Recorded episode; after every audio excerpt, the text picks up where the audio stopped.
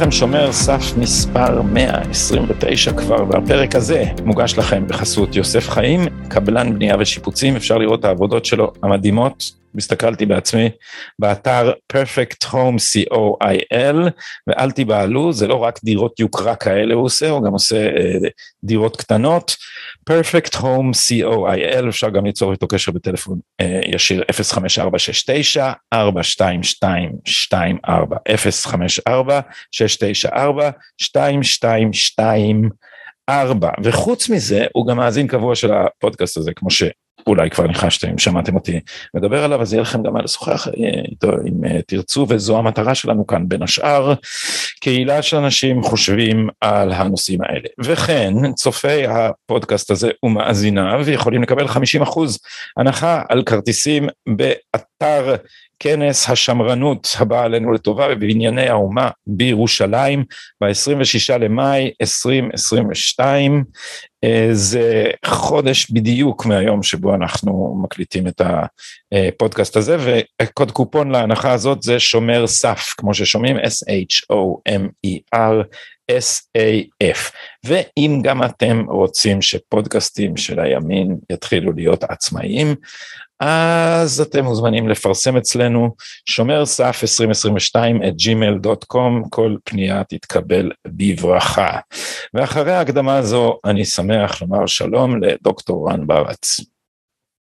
שלום שלום גדי, הרבה זמן. הרבה זמן, long time no see, ואתה באמריקה וזה לא שקופית, זה הספרייה שלך. הספרייה של מי שאני גר אצלו. אה, אוקיי, יפה, אתה בחור ישר. הספרייה נאה, בהחלט נאה, הוא, מי שאני גר אצלו הוא עורך דין עם אה, ככה השכלה רחבה, אז יש כאן הרבה ספרים נחמדים אה, גם על ארה"ב, הפוליטיקה של ארה"ב, יחסים בינלאומיים, יש פה דברים נחמדים. לא משעמם לך אתה אומר. אה, גם לנו לא משעמם, אה, למרות שאתה חסר לנו פה, אה, אנחנו קוראים את הערותיך על המצב בטוויטר, ואני מתרשם שאתה לא מאוד מרוצה מכל מה שקורה, אני לא יודע, בין השורות הייתה לי איזו הרגשה כזאת, ובוא נתחיל במה שקרה רק עכשיו, דרמה לא רק מבחינת התוכן שלה, אלא גם מבחינת הדימויים והסמלים, כפי שהיא השתקפה בספירה הציבורית, אה, הפיכתו של עמיחי שיקלי לח"כ מורד. תשמע, ראיתי שהיום בנט פרסם פוסט של אחדות, ואל תשרפו את המדינה, אם בכלל הוא לקח מלפיד את המוטיב הזה של לא לשרוף את המדינה, אולי נדבר על זה אחר כך. המדיניות חוץ שלנו הרי היום זה ציוצים של יאיר לפיד, זאת מדיניות החוץ של מדינת ישראל, שווה גם לדבר על זה. זה לא, אני חולק עליך, זה ציוצים של, של בלינקן מתורגמים לעברית במשרדו של יאיר לפיד. זה גם נכון. אז ב, אני רואה את בנט, יום לפני זה יצר קיטוב מטורף, הרי האנשים האלה, האג'נדה שלהם היא אג'נדה של קיטוב, פילוג, הסתה ושנאה. ויום אחרי זה הם כותבים בואו תש... בוא נהיה מאוחדים, בואו נהיה מפויסים, זה מזכיר לי, זה סיפור שתמיד אני נזכר בו על אהרון ברק, זה משנות ה-70, הרי יצא אהרון ברק בסדרה של אה, כתבי אישום נגד אה, הנפילים של מפא"י, אז אה, ידלין וגם רבין אחרי זה, והיה גם אברהם עופר, שהוא היה... שהתאבד, כן. אז אברהם עופר, שבדיעבד, ממה ש... שאני מכיר, כי נכנסתי לזה קצת, זה עוד חוקר משטרה שרצה לנקום בו כי הוא הגן על ידלין, עופר האמין לידלין, ידלין באמת היה מושחת, אבל הוא היה חבר של עופר ועופר האמין לו שהוא חף מפשע, אז הוא הגן עליו והאשים את המשטרה, ואז החוקר משטרה שנעלב מעופר התחיל לתפור לו תיק. אוקיי, ובסוף לא היה כלום, זאת אומרת, זה היה, כל פעם התיק עמד להיסגר, ואז החוקר משטרה הזה הצליח להמציא עוד איזה עד, ולהשאיר את התיק הזה בחיים, ועופר השתגע, זאת אומרת, השם שלו נגרר בכל העיתונים, והוא חשש גם לחשיפה של פרטים מהחיים האישיים שלו, כי היו לו עניינים שם, לא פליליים אבל אישיים. ואז בסוף אה, רבין היה לגמרי בצד של אה, עופר, וכל הזמן הם שאלו את ברק, למה אתה לא סוגר?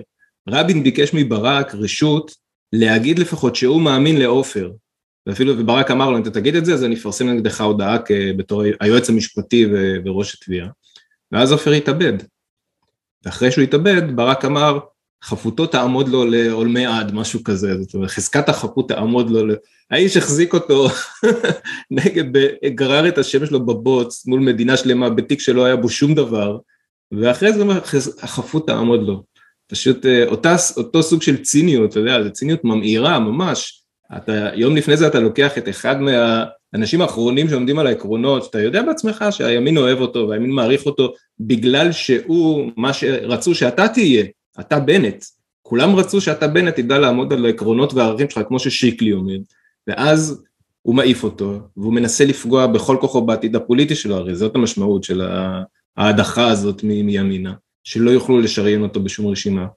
ואז הוא אומר, אבל בואו לא נשרוף את, את, הסמים, בואו נהיה מאוחדים, אנחנו ריפוי, אנחנו ריחוי, איזו צביעות, באמת, זה כל כך דוחה. אבל תשמע, בנט הוא יודע שהוא מרמה. כלומר בנט זה, זה אני לא ראיתי לא יודע אם ראית את הציוץ של של ארז תדמור עכשיו שהוא אמר הוא השווה את זה אני מאלתר פה אני לא זוכר בדיוק את הניסוח אני רק אומר זה זה לא הפרה של הבטחת בחירות זה כמו שמפלגה טבעונית תיבחר לכנסת על מצע טבעוני ואז תמנה את אנשי זוגלובק למשרד החקלאות. זה מה שזה, זה כאילו בגידה מוחלטת בכל מה שעשיתם. אז בנט יודע, בנט זה נפתלי מיידוף של הפוליטיקה, זה לגמרי ציני. אבל המון אנשים לוקחים, הספין הזה הוא כל כך שקוף, ואנשים, אתה יודע, אני קורא מה עובר בראש של יואל בן נון. יואל, הוא חושב שזה איחוי וריפוי? הוא באמת חושב את זה? אני לא, באמת מזמן למדתי לא לנסות להיכנס לראש של החבר'ה הטהרנים האלה, כי אתה מהר מאוד משתכנע שהם באמת שכנעו את עצמם. אבל אם הם טהרנים זה מה שהם עשו. ברגע שאתה מסווג אותם בתור טהרנים אתה אומר כן הם, זה, הם חושבים הם, הם שכנעו אותם ויש ביניהם כאלה אתה יודע תמימים אני יודע אני לא בטוח תראה אני יואל בן נון זה היה בשבילי אכזבה מאוד קשה, אבל זה גרם לי לפרש לאחור את אה, מה שפעם נראה לי אומץ, החבירה שלו לרבין, על זה שבכנס אה, חשבון הנפש הוא עלה ואמר, אמר, לא עשה, אבל אמר אולטימטום אם לא יתפטרו, כל אלה שאמרו רודף, לא עשבים, לא שוטים, לא מהצדדים, סמכויות תורניות, הוא אמר, יתפטרו עד סוף השביבה, זה אולטימטום, אם לא יתפטרו אני אלחם איתם מול כל עם ישראל, הוא אמר, הוא לא עשה את זה. אבל בכל זאת, זאת, היו לו אמירות שחשבתי שהן חשובות. אתה מסתכל אחורה, אתה אומר, אולי זה פשוט, הרבה יותר פשוט ההסבר. זה, אלה האנשים שהחבירה לציבור המסורתי המזרחי אף פעם לא הייתה להם נוחה. הם, הרי זה, הרי, מה קרה כאן סוציולוגית? הם באו מהברית ההיסטורית, הם היו מ, מלב הממסד, ואז פתאום זרקו אותם להיות עם הברברים. ובעצם כל מפעל ההתנחלות שלהם עמד על זה שהברברים הליכודניקים, האלה שעושים מנגלים, אלה החזיקו את הימין בשלטון. אבל כאילו, חלק מהציבור הזה, פשוט הנישואים הכפויים עם הברברים, היה להם, היה להם סיוט והם פשוט רצו לחזור הביתה. אז זה לא הברשה תחזור הביתה, זה הציונות הדתית, הגוון הזה של הציונות הדתית, או אנשים כמו יואל בן נון, זה מה שהם רוצים לחזור הביתה. זה, זה, אתה מכיר אותם יותר טוב ממני, זה פרשנות שמתקבלת על דעתך? תראה, יש, זה נושא מאוד רגיש בציונות הדתית, כן, וקשה ויש מקומות שאסור לפתוח אותו, אבל אנחנו safe space בפודקאסט. ברור שיש אה, מוטיב של אה, ישראל הראשונה בציונות הדתית. זה, כשאני אומר את זה, אז אומרים לי שזה הולך ויורד עם, עם הדור, זאת אומרת, החבר'ה הצעירים כבר הם אה, פחות שם, וזה, ומק... ואני מסכים עם זה, אני חושב שהזמן הוא התרופה הכי טובה לדבר הזה, אבל ברור שהגוורדיה הישנה, מבחינה זהותית, עם מפא"י, זה דור, הם מעריצים את מפא"י, זה דור המקימים, שם הם, הם רוצים להיות, הם כל הזמן אומרים, אנחנו עושים את מה שמפא"י, ההתיישבות זה המשך של הציונות המפא"יניקית, זה לא רוויזיוניזם, זה לא, אנחנו מפא"י, אנחנו המפא"יניקים האמיתיים היום, מפא"י עזבה את ערכיה ואנחנו המפא"יניקים, וסוציולוגית הם שם, זה, זה ברור לחלוטין, זה הולך גם יותר רחוק מזה לפעמים, אבל הסוציולוגיה היא חזקה פה מאוד, אבל מה שאני אומר זה משהו אחר, אינטלקטואלית אין מה לדבר עם האנשים האלה, כי לא משנה מה המקור, אינטלקטואלית הם אטומים לחלוטין, זאת אומרת, יכול יואל בן נון להגיד, זה שביבי קיבל סיגרים זאת שחיתות מטורפת, וזה שבנט עכשיו משפץ את הבית שלו בחמישים מיליון בלי היתר בנייה, זה בסדר גמור. זה שלטון, זה ממלכתי. הם, הם לא מתבלבלים לרגע, יש פה משהו שאתה לא מצליח לחזור אותו בשיחות ובדיונים ובפולמוסים, גם הציבורים שהיו לי עם האנשים האלה, השתכנתי שזה די מיותר, אני לא יודע מאיפה העמדה שלהם אה, מגיעה, אבל היא בלתי ניתנת לערעור, לא על ידי העובדות ולא על ידי טיעונים. זה, פשוט, מרג, זה מרגיש זה, לי... זה מה שמאפיין טהרנות, דרך אגב, טהרנות באופן כללי, בגלל שזה מבוסס אידיאולוגית. זה, העובדות מסתדרות לפי התיאוריה, לא להפך. אבל זה מרגיש לי לא ביטח, כמו ביטחון, זה סתם, אתה יודע, זו הבחנה לגמרי אינטואיטיבית, זה מרגיש לי כמו חרדה. הם כאילו בנו איזה מבנה שמכחיש את מה שמפחיד אותם, ואני לא תמיד יודע לתאר מספיק טוב את מה שמפחיד אותם, אבל, אבל אה, אה, אה, תמונת העולם הפסימית שיש האומרים, למשל דוקטורן ברץ, הריאליסטית, לא נוחה להם. וכשנתניהו אומר אנחנו נצטרך לחיות על חרבנו, והשמאל אומר להם אתם פשיסטים, יש, נוצר איזה דיסוננס שבו הם לא רוצים את הדבר הזה, הם לא, הם, כאילו, הם, הם רוצים, ועל זה בנט בונה, כי כשבנט עשה את ההונאה הזאת, יש, יש אה, מהנדסי תודעה ש...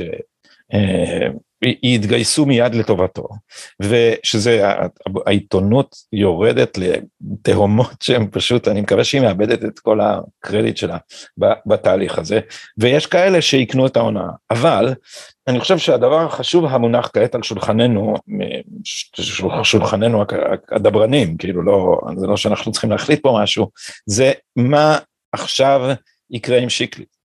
אה, וראיתי באחת הקבוצות שאנחנו אה, חברים, שיש כמה חברים שהרעיון של אה, מפלגה ימנית חדשה, ליברלית, חילונית, לצד הליכוד לא נראה להם כל כך. תראה, אני באופן כללי נגד פיצולים בימין, זה לא השקפה חדשה שלי, הייתי רוצה שיהיה משהו כמו מפלגה רפובליקנית ישראלית שיכולה להכיל הרבה מאוד גוונים של מימין לאומי ועד אה, שמרנות, זה במקום להתפצל להרבה סיעות זה מחליש את כולם, אה, בסוף זה מחליש הרבה יותר מאשר מחזק, למרות האשליה שנוצרת, שזה יותר ייצוגי, בכלל בטוח שזה אפילו יותר ייצוגי, כי אה, כשכולה, כשאתה באופוזיציה אתה באופוזיציה כולם מפסידים את הכל, וכשאתה בקואליציה אז בסוף הליכוד הרי תמיד צריך להגיד נניח לחרדים, אוקיי? צריך להגיד להם חבר'ה אני גם צריך ללכת לבחירות ובבחירות יאיר לפיד תוקף אותי בגללכם, אז אתם צריכים גם לתת לי לנהל מדיניות uh, טובה. אז מה זה משנה אם הם מחוץ למפלגה, בתוך המפלגה, מבחינה פוליטית הם מבינים שהם צריכים גם להתפשר עם הליכוד, לא, זה לא שהחרדים נכנסים לממשלה ומקבלים כל מה שהם רוצים, בכל מקרה הם מתפשרים. אז שיתפשרו כבר מתוך המפלגה, זה יהיה הרבה יותר נוח גם להם, הם יוכלו להשיג הישגים, לא, לדעתי, לא פחות טובים לציבור שלהם. אז זו דעתי העקרונית. עכשיו mm-hmm. ספציפית, הרי מה אומרים? יש כמה מנדטים נניח שניים שלושה אצל סער ועוד איזה שניים אה, של בנט, ש, שזה המנדטים שמטים את הכף לטובת אה, גוש הימין. אם נצליח להקים איזושהי מפלגה שתיקח את המנדטים האלה, אז uh, תהיה לנו ממשלה, תהיה קואליציה לפחות של 61 uh, בימין. ואני לא בטוח שאני קונה את הדבר הזה, אני ממש לא בטוח שהשניים שלושה מנדטים האלה שעדיין יש לשר בסקרים יתפתו למשהו אחר. אני בהחלט חושב שנניח בנט וסער ישוריינו אצל לפיד ויקבלו לפחות חצי מהמנדטים האלה. ואז מה שעלול לקרות זה שהימין ירוץ שוב מפוצל, והימין שוב יאבד שניים שלושה מנדטים במפלגה שלא תעבור את אחוז החסימה. ואנחנו נגיע בדיוק לאותו מצב שהיינו בארבעה סבבים קודמים. אז מה שהייתי רוצה לראות הרבה יותר מזה, ואני שם לרגע את שאלת שיקלי בצד, שיקלי דרך אגב בחור כל כך לאומי שהוא יעשה את כל מה שטוב אה, מבחינה לאומית, כן, לא, באמת לפני טובתו האישית. אני אומר את זה לא, גם על סמך ההיכרות קודמת שלי איתו, זה לא, זה לא אדם שאין לו לאן ללכת, זה לא אדם שאין לו מה לעשות בחיים, ואם הוא יחשוב שהוא פוגע בימין, אז הוא לרגע לא יעשה שום דבר שיפגע בימין. מה שהייתי רוצה לראות זה את הליכוד עובר רפורמה ורוויזיה, ואת הליכוד מתחיל להכניס אנשים שמרחיבים את השורות של המצביעים שלו, אנחנו מפסידים כמה מנדטים שכאילו ימין ממלכתי שהוא לא ממלכתי, אבל אני לא בטוח שאלה ניתנים להצלה. אבל ברור שאנחנו מפסידים כמה מנדטים ימניים כל פעם בגלל הפיצולים, וברור שאנחנו מפסידים מנדטים למשל של אה, יוצאי ברית המועצות לשעבר, שהולכים לכל מיני, לליברמן ואנשים כאלה, שזה זה לא אנשים שבויים, יש שם איזה מנדט שניים חופשיים שאפשר אה, בניהול נכון אה, לקבל. אנחנו צריכים באופן דרמטי להעלות את אחוז ההצבעה בימין, זה לא קשור למפלגה נוספת, זה לא יגרום לאנשים לצאת וליכודניקים, אנשים שהם ליכודניקים, שכשואלים אותם מה הייתם מצביעים, הם אומרים ליכוד, אבל אז הם לא יוצאים לקלפי. זה לא שאומרים הייתי מצביע על מישהו אחר ולא יוצאים. אלה ליכודניקים שלא, שלא באים לקלפי. צריך לראות איך מוציאים אותם, ואז ננצח. כל הפטנטים האלה של מפלגות לא הוכיח את עצמו, לא מוכיח את עצמו, ואין שום דבר שמחליף את העלייה באחוזי הצבעה למפלג, למפלגת השלטון.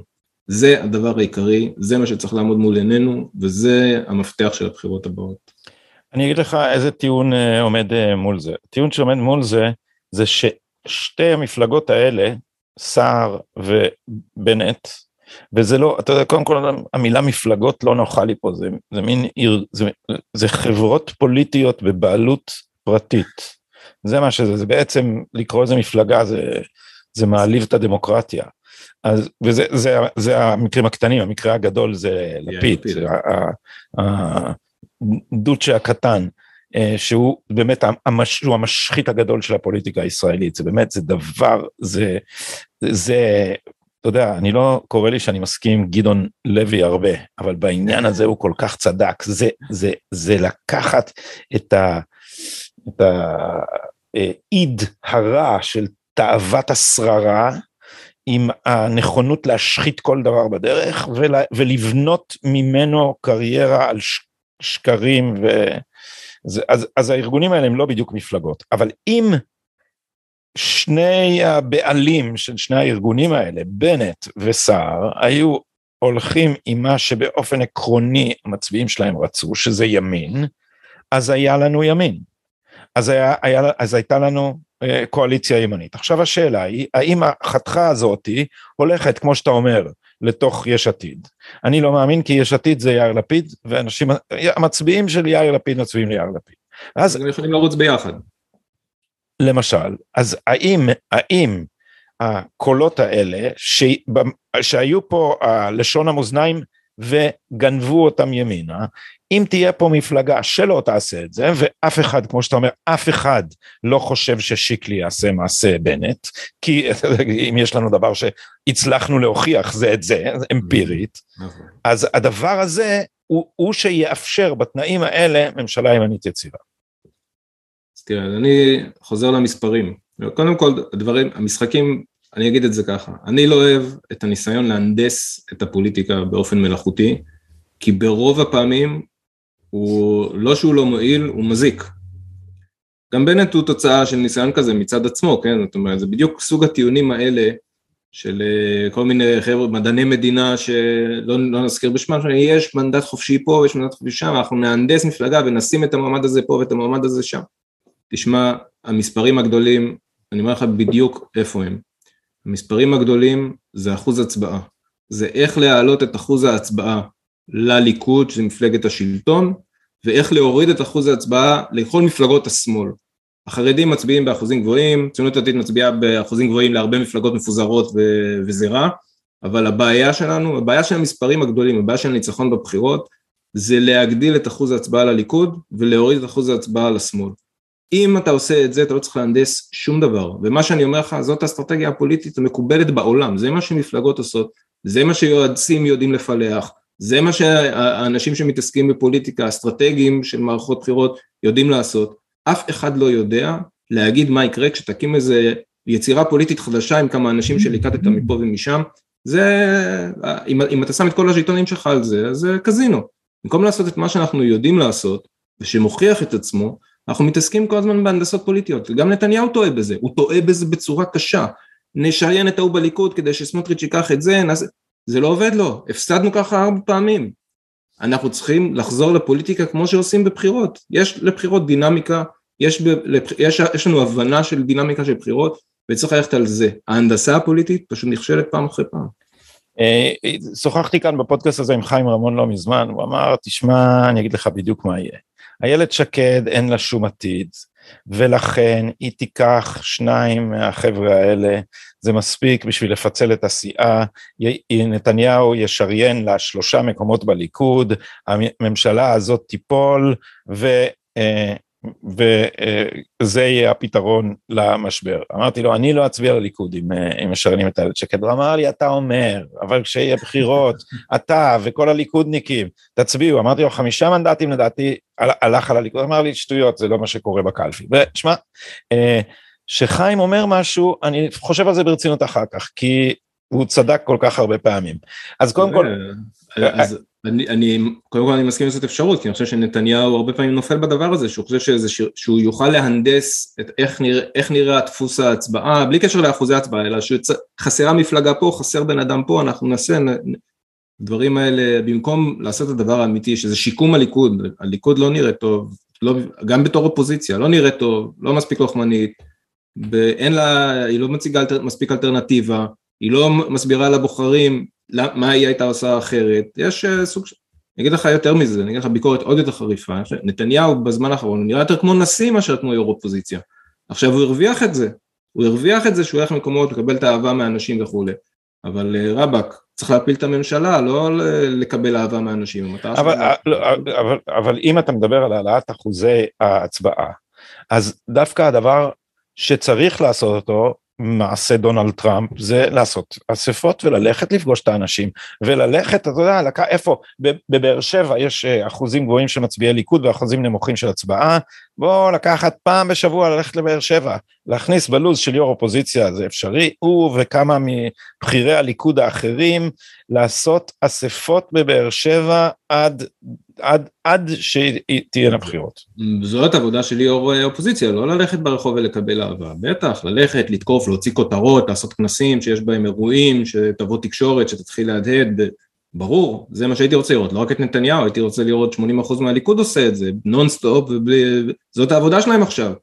אני לא רואה שזה קורה, אני רואה שהשמאל יוזם אירועים והליכוד מגיב לאירועים האלה כמו במקרה של שיקלי, אבל אין, אה, אין עבודה שוטפת של אופוזיציה, הם לא נראים אה, כמו מפלגה רעבה, מפלגה שמנסה להפיל את הממשלה, עכשיו אני יודע שזה יהיה מאוד קשה להפיל את הממשלה הזאת, לא משלה את עצמי, אבל זאת, עכשיו אתם מכינים את התשתית לבחירות, עכשיו אתם מכינים את התשתית לעליית אחוזי ההצבעה, זה המקום, זה הזמן, זה לא בליץ של חודש אחרון, אלא זה עבודה של אה, גיוס מצביעים, גיוס פעילים, הכנה של כל התשתיות, וזה מה שצריך לקרות, אז ככה, אז אני אגיד, אנחנו, אנחנו משחקים את המשחק הלא נכון הרבה זמן, איך להנדס את המפלגות ככה שאולי ננצח, אנחנו לא צריכים להנדס שום דבר, אנחנו צריכים להנדס את עצמנו, הליכוד צריך לפתוח את עצמו מחדש, צריך לדעתי לשנות את מבנה, את האופן שבו אנשים אה, מדורגים ברשימות, צריך לתת הרבה יותר כוח ליו"ר, צריך להתחרות במפלגות מהונדסות, אני אומר כל הזמן, הייתי עושה שליש יו"ר, שליש מרכז, שליש אה, המתפקדים,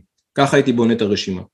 במקום זה יש מיליון שריונים של מחוזות ומקומות וזה, יש לזה היגיון פנימי, אבל אפשר ל, למצוא גם היגיון אה, שישתמש ברוב היתרונות בלי להפסיד הרבה. בקיצור גדי, מה שאני אומר לך, אני נגד הנדסת פוליטיקה, אני בעד הנוהל הרגיל של אופוזיציה ושל מפלגת שלטון שרצה לבחירות, שזה לגשת לבחירות הכי טוב מבחינתה, לא להנדס מפלגות אחרות ולהחליש את עצמה, אלא ללכת הכי חזק מבחינתה ולעשות את הכל כל הזמן כאופוזיציה כדי שאחוזי ההצבעה יעלו לך ואחוזי ההצבעה של היריב שלך ידוכאו.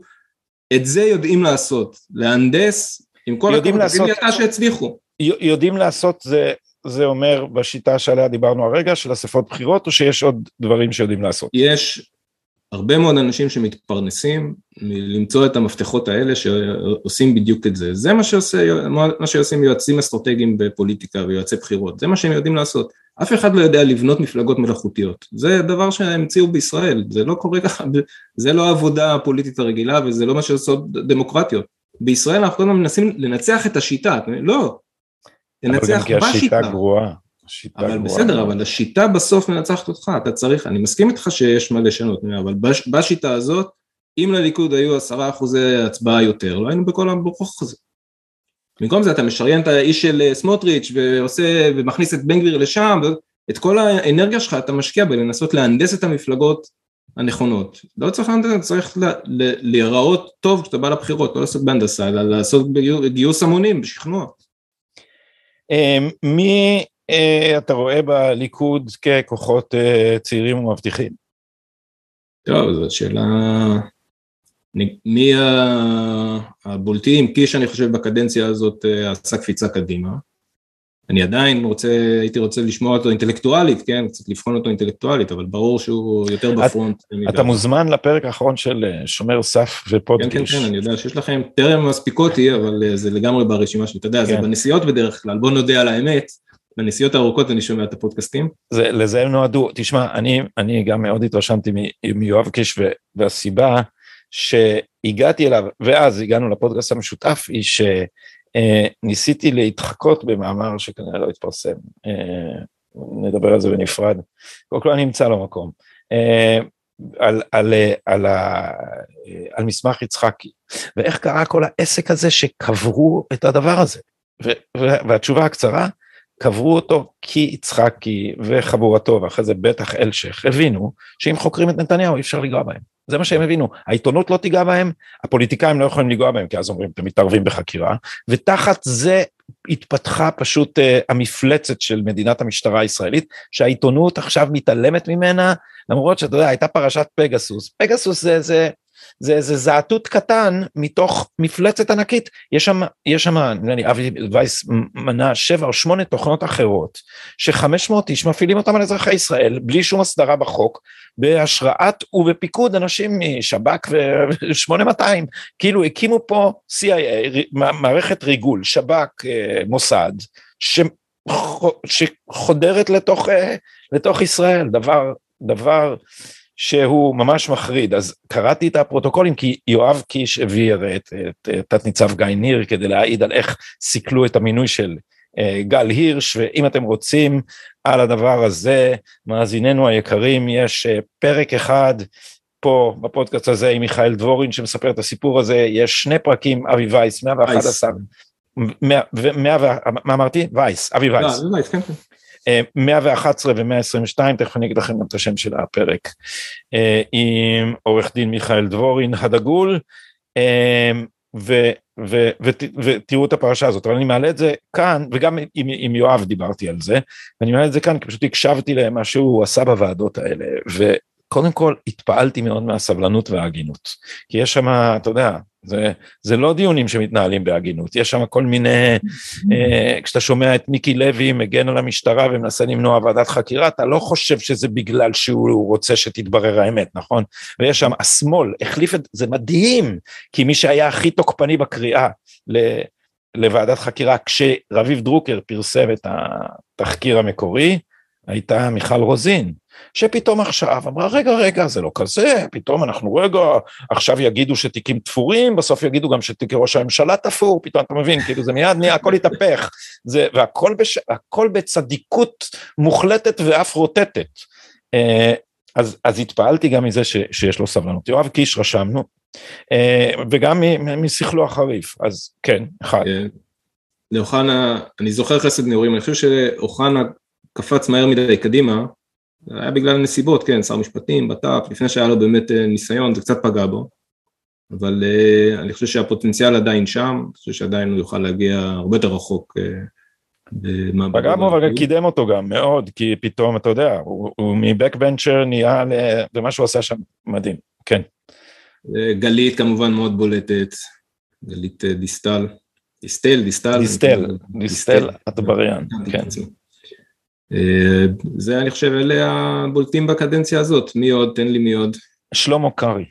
אה, אני הייתי רוצה לראות את עמית הלוי חוזר, אבל שלמה, תשמע, שלמה גם, גם זה, זה בעיניי, אתה יודע, אה, זה דור חדש של אנשים שלא מפחדים, וזה התכונה שצריך. אתה יודע, אמר לי על זה, אמר לי בצלאל סמוטריץ' פעם, אה, שאני מאוד מעריך את, אני, יש לי הרבה הסכמות איתו, אבל אני מאוד מעריך גם את יושרו וגם את אה, נאמנותו האידיאולוגית להערכה. אמרתי, תשמע, אם אה, אני משרת את המדינה בכנסת, אם אני צריך לשרת את המדינה בכלא, אני אשרת אותה גם בכלא. וצריך אנשים שלפחות מוכנים להגיד לעצמם את הדבר הזה, ושל, ושלא, כי לפעמים אתה רואה, מבקרים את המערכת, אבל אז אומרים איזה משהו, כן, אבל זה, בפרקליטות יש, רוב האנשים עושים את, את עבודתם נאמנה, זה ברור, הם, אני לא, אתה יודע, מה זה, מה זה רוב האנשים עושים את עבודתם נאמנה? זה יש פה מוסד שבו אתה יושב והוא עושה שחיתות מטורפת ועסוק בהפיכה. מה זה כל האנשים הישרים הזה, האלה שעושים שם את עבודתם נאמנה? הם לא, אתה יודע, בן אדם ישר שעושה את עבודתו נאמנה, מתפטר מדבר, מתפטר, אומר אני לא... אני לא... הדברים האלה אני תמיד אומר, הוא גם עושה דברים טובים. גם רוצח, רוצח המונים, גם רוצח המונים לפעמים עושה דברים טובים, אבל אנחנו בודקים את הדברים הרעים שהוא עושה כדי לשפוט אותו. לא את הדברים הטובים שהוא עושה, הוא פה, הוא בבית משפט או נרדף על ידי ה-FBI בגלל הדברים הרעים שהוא עשה. זה מה שאנחנו מסתכלים, כי הוא חרג מהנורמה באופן כזה, שכבר שום דבר לא משנה כמה דברים טובים הוא עושה. על זה אמר הקומיקאי שון לוק, למה אתה אומר עליו שהוא רוצח? כמה מחבריו הטובים ביותר עדיין חיים. בדיוק, אבל עכשיו, אז תראה מה אני, מה אני אומר. יש בליכוד חבר'ה טובים, וגם קרעי, אני מסכים, עושה עבודה בולטת ויפה. לי כואב על מי שלא נמצאים ברשימה שם. אני, יש הרבה אנשים שהליכוד זו תחנה אינסופית בשבילם, והם אה, שם לנצח, לא יודע כבר, לדעתי הם בעצמם כבר לא עושים שום דבר. אבל אני רוצה לראות שם את שיקלי, אני לא רוצה ששיקלי ילך לשום מקום אחר, הייתי רוצה לראות שם את שיקלי, אני רוצה לראות שם את ארז, ואני רוצה לראות את עמית הלוי. יש הרבה חבר'ה צעירים שהם חזקים, הם כבר, כמו שיקלי, הם כבר עמדו בכל המבחנים, אתה יודע שהם חזקים, ואתה יודע שהאינטרס הלאומי קודם אצלם לאינטרס האישי, ואתה יודע שהם חכמים והם ידעו, ידעו לעשות דברים טובים. הם צריכים להיות בפנים, אנחנו לא צריכים להסתכל עליהם מבחוץ כל הזמן, שהם אה, מפרשנים לנו את המציאות, זה האנשים שאתה רוצה לראות בפוליטיקה. והליכוד מאוד מאוד קשה מהבחינה הזאת, מאוד קשה לחבר'ה להצליח שם, אפילו עמית, שהוא ליכודניק והוא פוקד, עמית הלוי, זה, זה מאוד מאוד קשה. ובמיוחד שהוא היה ח"כ לזמן קצר זה עוד יותר קשה, כי אחרי זה כבר יש לו, הוא צריך להצליח כח"כ, לא כמתמודד חדש שיש לזה כל מיני הגנות.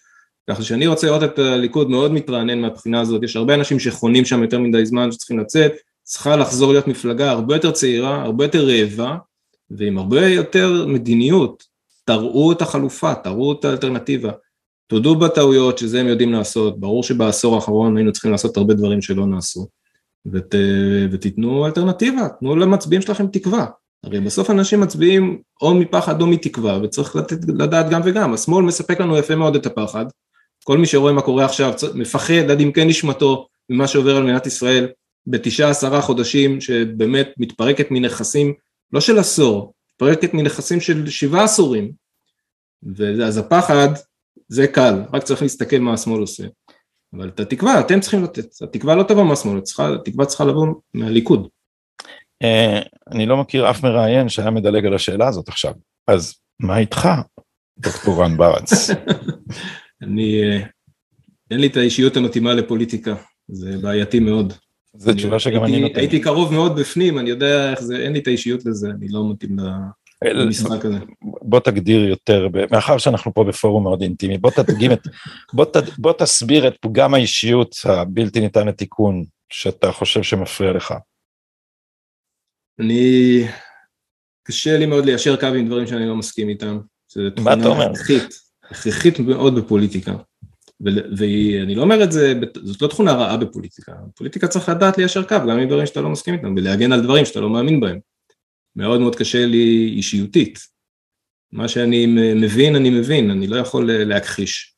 היה לי פעם, סתם אתן לך דוגמה, העלאת שכר מינימום. אני, להבנתי, זה דבר מזיק.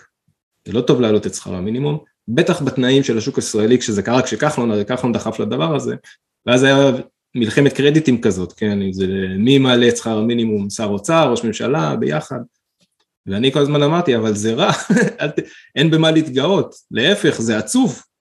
צריך להגיד, נאלצתי מאילוצים פוליטיים על שכר מינימום, לא להתגאות בזה ששכר המינימום עולה. אז אה, אני, מאוד קשה לי עם, עם הדברים האלה, והם הם, דבר הכרחי בפוליטיקה, אין מה לעשות. וגם, הליכוד ב, בתור המפלגה שלי, כן, זו מפלגה שאני מזדהה איתה, זה, אני מאמין במפלגת שלטון גדולה כמו שאמרתי, אני רוצה שכולם יצביעו לליכוד. הליכוד היא מפלגה שדורשת הרבה עבודת שטח,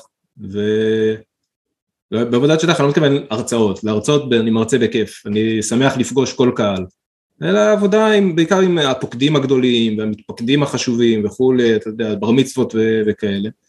מה, כל כך לא בשבילי, אני לא, בשבילי זה זמן מבוטל לחלוטין, אני לא טוב בזה, א', וב', אני מאוד לא נהנה מזה, אז אה, אתה יודע, זה גם, זה גם קישור בסיסי שנדרש מפוליטיקאים. היכולת הזאת להתחבב מאוד בקלות על אנשים, אין לי את זה, זה לא, לא, לא הפורטה שלי. אז אנחנו לא, לא, לא נשכנע אותך. אבל הפכת את זה לדיון אישי מאוד. אה, אה, זה, תשמע, זה... לדבר על דברים לאומיים, יותר חשוב. זה, זה פורום מאוד אינטימי, אני אפילו רואה שאתה נבוך כמעט. אה, כן, אז לא- אני... לא- אני לא האובייקט של השיחה. אבל תתפלא, אנחנו מפתחים אה, כפי שאמרתי בתחילת הפודקאסט שקראתי את החסויות, אנחנו רוצים לפתח קהילה וחלק מהקהילה זה, תראה, זה לא מרכז הליכוד, כן, אני לא גורר אותך עכשיו לבת מצוות של כולם פה כדי שתהיה בפודקאסט, נכון? אבל קצת תספר על עצמך. בכל אופן, אמרת בתחילת השעה הזאת שכל העניינים הפנימיים משניים למה שקורה במדיניות החוץ וענני הסכם הגרעין על האופק. שוחחתי פה עם מייק דורן לא מזמן, שאמר, תשמע, יכול להיות שזה תקוע.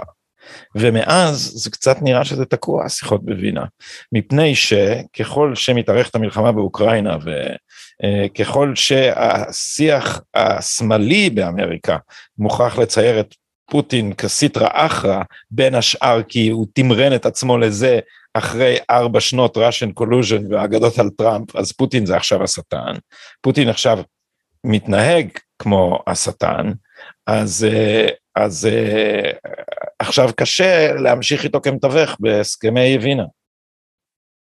כן, פוטין אה, מציל אותנו מהסכם הגרעין, אבל זה ברור לגמרי שברגע שאיכשהו תהיה רגיעה בחזית הרוסית-אוקראינית, אז הסכם הגרעין מיד יחזור לפול ספיד, זאת אומרת זה לא מעצור אמיתי, זה פשוט עיכוב זמני, וזה עיכוב זמני בגלל ששני הצדדים רוצים להתחתן. כן, פשוט אה, הכומר או, או התחליף כומר אה, עסוק, אבל אה, שניהם רוצים להתחתן ולכן הם יתחתנו בהקדם האפשרי, יברחו לווגאס ושם יינשאו בנישואים אזרחיים.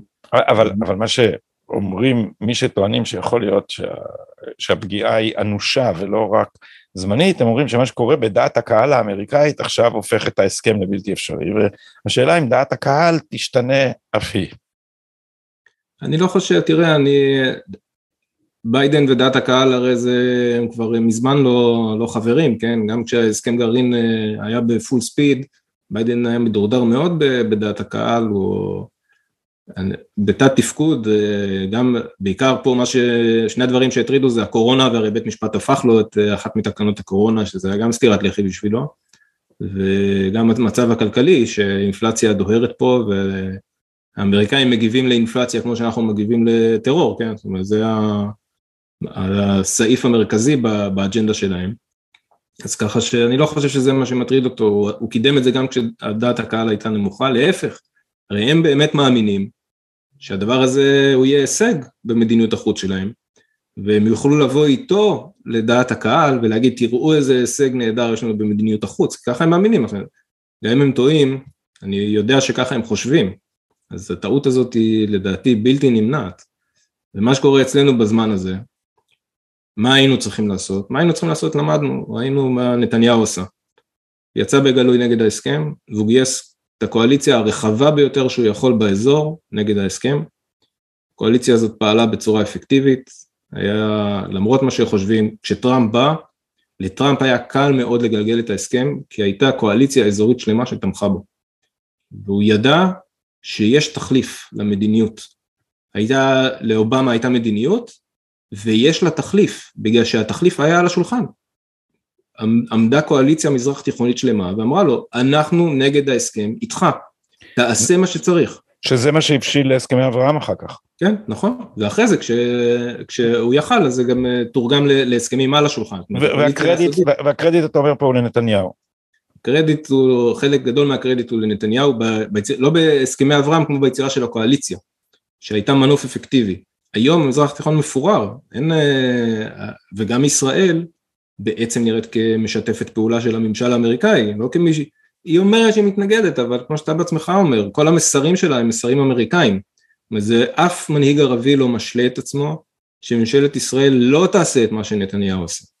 כולם מבינים טוב מאוד שישראל היא לא מדינה עצמאית כבר, היא בת חסות. באמת רפיסות, אני הסתכלתי על אירועי הר הבית, עכשיו, אני מרחוק, אולי זה יתרון, אולי זה חיסרון, אבל אני עוקב דרך התקשורת, דרך הציוצים של אה, לפיד בטוויטר, דרך הכיסוי, גם שם וגם פה. ואני רואה את הציוץ של לפיד, אומר, בן גביר מצד הדגלים רוצים לשרוף את ירושלים. שר החוץ של ישראל אומר, הם רוצים לשרוף את ירושלים, הם מאשים את היהודים בהבערת ירושלים, זה דבר מטורף. ואז הוא אומר, הוא אומר את זה גם באנגלית דרך אגב, לא רק בעברית, לא לישראל, הוא אומר את זה בציוצים לעולם. ואז הוא אומר, אנחנו עצרנו את הקיצוניים שלנו, מנענו את מצעד הדגלים, מנענו מבן גביר להגיע לשער שכם, כאילו הוא לא היה בשער שכם שבועיים לפני זה וחולל מהומה בה. עכשיו, הזמן של המתונים באסלאם לעצור את הקיצוניים שלהם. וגם בנט מהדהד את המסר הזה דרך אגב. אתה אומר, אתה יודע, אני הסתכלתי על הדבר הזה, אמרתי, כמה טעויות בן אדם יכול לעשות במסר אחד קטן. קודם כל, כל סיפור המתונים של האסלאם בישראל, זאת אשליה הרי זה לחלוטין לא מגובה בשום עובדה, אין שום ציבור מתון גדול שרוצה לעצור את הקיצונים שלו באוכלוסייה הערבית, אפשר לראות את זה בצער רב, אבל זאת המציאות, בסקרי דעת קהל בחברה הערבית אין הרבה אהדה לישראל ואין הרבה אהדה לציונות, המצב הפוך לחלוטין, הרוב השקט הערבי הוא לא שונא את הקיצוני הזה וחושב שהוא מזיק לו, הוא במידה מסוימת מזדהה איתו, אולי טקטית אולי הוא יכול להתווכח איתו, אבל בטח לא ברמה של להתעמת איתו. וזאת האמת, עכשיו כמובן שיש הרבה מאוד ערבים אה, ישראלים שהם לא שם, שהם בהחלט אה, מצרים על כל המצב הזה ולא מזדהים בכלל עם דגלי חמאס על הר הבית וכולי, אבל לצערי הם מיעוט, זה לא שיש רוב מתון דומם וכמה קיצונים שמנצלים את הפסיביות שלו, זה ממש לא המצב, אז קודם כל לפיד מנותק לחלוטין מההוויה הישראלית הערבית, אני אומר את זה עוד פעם בצער, אבל האמת יותר חשובה מאשר הרגשות שלנו לגביה. דבר שני, בן גביר, כמו שאתה יודע, לא כוס התה שלי, לא הצבעתי לו אף פעם, אני חושב שהוא באמת יחסית ל, ל, לפוליטיקה הישראלית, הוא באמת נמצא בימין הקיצוני. יש בה איש קיצוניות, עכשיו, יש בו תכונות שאני מחבב, הוא איש פיקח מאוד, אין ספק, הוא, לפעמים הפרובוקציות שלו הן מתוחכמות במידה מסוימת, אבל הוא בהחלט קיצוני, ואני בהחלט לא מזדהה עם רוב הדברים שהוא עושה ואומר, אבל להשוות אותו לפעילי חמאס, זה טירוף מוחלט. זה להשוות אותו לאנשים שהאג'נדה שלהם היא לרצוח יהודים ולמחוק את מדינת ישראל מהמפה. זה לא בן גביר בשום צורה, בשום קרבה, זה לא קשור, זה אפילו לא כהניזם, זה לא קשור לשום דבר, זה לא משהו שאפשר לעשות, אתה לא יכול לקחת פעיל ימין קיצוני ולה, ולהקביל אותו לטרוריסט, ועוד הרטוריקה הזאת של לשרוף את ירושלים, כן, זו רטוריקה אלימה. זה דבר שהוא בעיניי הוצאת דיבה, לא רק על בן גביר אלא על ישראל. הקיצוניים שלנו לא דומים בשום דבר לקיצוניים שלהם, זה לא אותו דבר. זה לא שלא היו בישראל טרוריסטים יהודים שעשו טרור, בוודאי שהיו, וזה לא בן גביר. אתה לא יכול להשוות את, את בן גביר לאנשים האלה, האנשים האלה בחברה שלנו מוקעים באופן מוחלט, תופסים אותם, מענישים אותם במלוא חומרת הדין, והציבור כולו, כולל בן גביר, מגנה אותם, זה פשוט אה, קשקוש מוחלט. דבר אה, נוסף. אבל זה משת, משתלב מאוד בקלות עם התאווה אה, אה, התקשורתית ל, למצוא את האלימות בימין ולצייר את, הלמי, את הימין כפרוע ואלים, זאת אומרת זה לא רק אה, זירת אה, בלינקן ו, ו, ויאיר לפיד שעכשיו מתאמץ לרצות, לרצות את אדוניו, זה, זה גם בזירה הפנימית כל הוורטרים והברנאיים והסים הקדמוניות של, והאמנון אברמוביצ'ים ואולפני ההבל והתעמולה, כל אלה הם הם רק, הרי הם הצליחו להסתיר את העובדה שהיו פה פוגרומים במאי, על ידי זה שהם כולם דיברו רק על הלינץ' בבת ים, וגם אז הם אמרו אה, כל הזמן שאין סימטריה, אין סימטריה, הם התכוונו לזה שהיהודים הם החזקים, אז זה הרבה יותר נורא. נכון, אני אומר, זה ברור שצריך לגנות אה, טרור יהודי כש, כשהוא קורה, ואנחנו עושים את זה, אנחנו מטפלים בו באמצעים חוקיים, אבל עכשיו הנקודה השלישית שלי, מי מטפל בו? מי שמטפל בו זה הממשלה. כשהחרדים אה, מתפרעים, לפיד אה, כותב ציוץ אה, לרבנים להרגיע את הציבור אה, שמתפרע, את, אני יודע מה, הציבור החרדי הקיצוני ש, שמתפרע בירושלים או ששולחים משטרה. כשאני יודע, החרד"לים מפגינים בירושלים, שחושבים שהמשטרה עשתה עוול ב, כשהיא רדפה אחרי סנדק. אז לפיד מצייץ שאני מבקש ממנהיגי הציבור הרבנים ומנהיגי הציבור הדתי-לאומי יקראו למתינות, לא, שולחים משטרה, זה הרי התפקיד שלך. בתור ראש ממשלה בפועל ושר החוץ, אנחנו רוצים שתפעל, לא שתצייץ, המתונים המוסלמים בבקשה תרגיעו את מה שקורה בהר הבית, זאת הדבר הזה, שאתה עושה, זאת הנקודה הרביעית, לפיד לא מבין את התפקיד שלו, הוא חושב שהוא מצייץ, הוא חושב שהוא דובר. הוא חושב שהוא סלבריטי, זה יותר, כן. זה יותר פשוט מזה, זה כאילו... עכשיו, הדבר הבא, הדבר הרביעי, הרי ברור שזאת הפגנת חולשה מטורפת. כשמי שמבינים שהוא המנהיג הבכיר בישראל היום, מי שמנהל את הקואליציה הזאת, שר החוץ, ראש הממשלה החליפי ומה שאתה רוצה, כשזה מה שיש לו לעשות, לשדר קריאת אה, תחינה, להתחנן למוסלמים מתונים שיעצרו את הקיצונים, תשמע, אין אף שחקן במזרח התיכון שלא מיד רושם לעצמו בפנקס, ישראל היא קורי עכביש, כמו שנסראללה אמר. אין לה כוח, זה הכל בלוף, היא לא מסוגלת. אנשים, בן אדם שמסוגל לא מתחנן, הוא פועל, בטח במזרח התיכון. למי אתה מתחנן? אתה מתחנן לאנשים שמזדהים עם, הצ... עם, עם הקיצוניים, שיעצרו את הקיצוניים?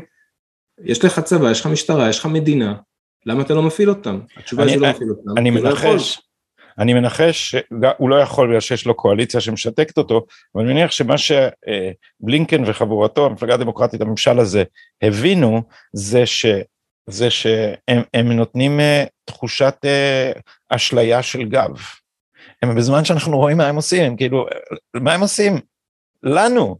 אבל מה הם עושים מסביבנו? אתה יודע, החות'ים יורים טילים על, uh, על איחוד האמירויות, וזה בני הברית שלהם.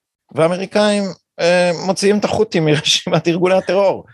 הם, הם נוטשים את, את בעלי בריתם, ובכל זאת הם יודעים ליצור אווירה שאנשים מסוגו של אה, החליפי, הם אה, מרגישים שהם עכשיו מסתובבים במסדרונות הכוח, אתה יודע, זה, עכשיו זה האנשים החזקים, זה אמריקה, זה כאילו, ואז הוא לא, אני, אני בטוח שהוא לא מבין שהוא מצטער כמו חולשה, אני חושב שהוא חושב שהוא מצטער כמו הבוגר.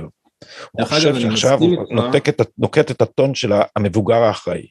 מסכים ולא מסכים איתך על דבר אחד, כי הבעיה של לפיד הוא לא יכול, לא רק בגלל הקואליציה שלו, ושיש לו את אה, עבאס בקואליציה ושהם אה, מאיימים בפרישה וכולי, אלא גם בגלל שאומרים לו בארצות הברית, אל תחריף את המצב. וזאת הפקודה האמיתית שהוא מציית לה הרבה יותר מאשר עבאס. הדבר האמיתי, זאת אומרת, הוא נעול משני הצדדים. גם מי ששותף איתו בקואליציה וגם הבוס האמיתי שלו בבית הלבן ובמחלקת המדינה, שביידן סך הכל מעביר את המסרים שבלינקן מן הסתם כותב לו, אבל אותו דבר. זאת אומרת, הוא לא יכול. עכשיו, הוא לא יכול, אז הוא מתחנן. וכשהוא מתחנן כולם מבינים שהוא לא יכול. והמעמד הבינלאומי של ישראל הוא בקאנטים, בקאנטים של הקאנטים. ועכשיו הנקודה האחרונה. כשאנחנו, אנחנו מנסים להבין מה ישראל עושה בהרבה דברים מדיניים חשובים שקורים באזור, הסכם הגרעין מספר אחד. ו... אבל בדרך כלל אנחנו לא יודעים מה הדינמיקה. דווקא פה, בגלל שזה מהומות בירושלים, בהר הבית, בעיר הבירה, במקום קדוש, מה שאתה לא רוצה, הממשלה הזאת חושפת בעצם את המודוס אופרנדיה שהיא עושה כל הזמן, רק בלי שאנחנו יודעים עליו.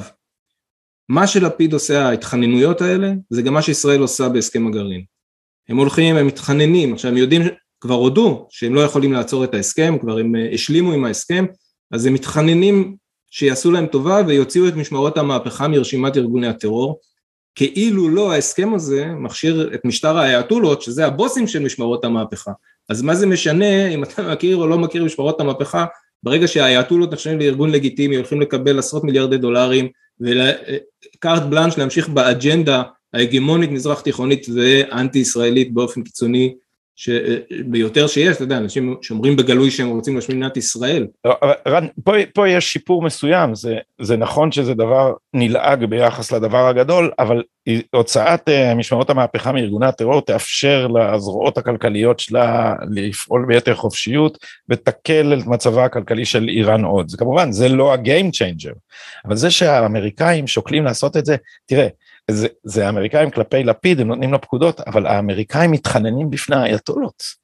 זה הדבר ה, ה, המטורף פה בעניין הזה, הרי הם רוצים להוציא את משמרות המהפכה מרשימת ארגוני הטרור, אבל מה, האיראנים במשמרות המהפכה יש להם תוכנית להתנקש במייק פומפאו על אדמת ארצות הברית, ולא רק במייק פומפאו, גם בג'ון בולטון, גם בעוד מישהו, האמריקאים האלה הלכו וביקשו מי מש...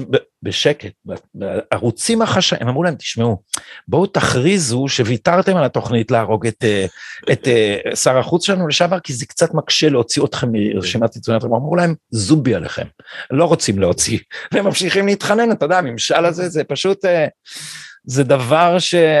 ש... זה, זה לגבי האמריקאים, ברור, אבל אני מסתכל עלינו, אני אומר, נניח, נניח שהאמריקאים יעמדו על זה וישאירו אותם ברשימת, הרי זה להשאיר, השינוי סטטוס זה להוציא אותם, נניח שהם יישארו, הרי בנט ולפיד יציגו את זה פה כהישג, למרות, למרות שמבחינה אסטרטגית זה הישג דל, אין לו שום משמעות ביחס לדבר העיקרי שזה הגרעין, מצידי בוא נעשה, אני מוכן להוציא את משמעות הברכה מרשימת ארגוני הטרור כל עוד איראן מוותרת על פרויקט הגרעין, זה ההסכם שאני הייתי יכול לחיות איתו, כי משמרות המפכה לא מפחידים אותי, הגרעין האיראני כן מפחיד אותי, הם יכולים להזיק לי קצת, הגרעין יזיק לי באופן קיומי. וזאת, ו, וזאת, אבל תראה ההתנהגות, עכשיו אני עובר לספקולציה, עד עכשיו אני מאוד ודאי משהו, עכשיו ספקולציה. כשהם מתחננים, הרי הם בכל זאת צריכים להגיד משהו, נכון? אנחנו, אתם חייבים לתת לנו את ההישג הזה של להוציא, להשאיר את משמרות המפכה ברשומת ארגוני הטרור. למה? וזאת התיאוריה שלי. אני חושב שמה שהם אומרים לביידן ובלינקן וכל החברים שלהם במחלקת המדינה וכולי, מה יקרה אם לא תעשו את זה? אם לא יהיה לנו שום הישג? ביבי יחזור. ביבי. רק לא ביבי הפך מתעמולת בחירות פוליטית לדת. בישראל, לדת הפך להיות האג'נדה של, של מדיניות החוץ שלנו. אנחנו היום מתחננים, והאיום שלנו, שאם לא תקשיבו להפצרות והתחינות שלנו, זה שביבי עוד יחזור. וזה פשוט, אתה, אתה יודע, אתה אומר לעצמך, זה, זה קרה, חשבתי על זה בערך מתי שבנט ניסה להגן על עצמו בעניין המבצר שהוא בונה שם. זה, ומה ההגנה שלו? אני לא ביבי, זה ביבי עשה יותר, הבנים שלי זה לא יאיר, זה רק לא ביבי עוד פעם. דרך אגב, נקודה אחרונה, לא ראיתי אותה עולה אז אני אומר אותה. למרות שהיא מאוד נקודתית ולא כזאת חשובה. אני מזכיר לך שהרשימה הזאת התחילה עם שלושה דברים, כן. אנחנו בשש. אה, לא, לא, זה, כבר לא קשור, את הדברים שלי. הרי השיפוט של בנט, שנחשף שהוא נעשה בלי היתר בנייה, הוא בבית הפרטי שלו. לכן, לדעתי, אין שום דרך להציג את זה כאילו אין לו אחריות אישית לדבר הזה. זאת אומרת, נניח אם היה שיפוץ בבלפור שהיה במסלול בירוקרטי וכל ראש ממשלה אי פעם היה נהנה מהדבר הזה, אז ראש ממשלה יכול להגיד לא, לא ידעתי שאין היתר, מה אתם רוצים, זה בירוקרטיה. בבית הפרטי שלך, אתה אחראי לזה שיהיה היתר. והעבירה הזאת היא עבירה אמיתית, עבירה על חוקי הבנייה. בנט הוא האחראי היחיד פה, זה בבית הפרטי שלו. הוא לא יכול להרשות שבבית הפרטי שלו יעשו דברים, אם אני אבוא ואבנה דבר לא חוקי אצלך בבית, אתה חושב שאתה פטור?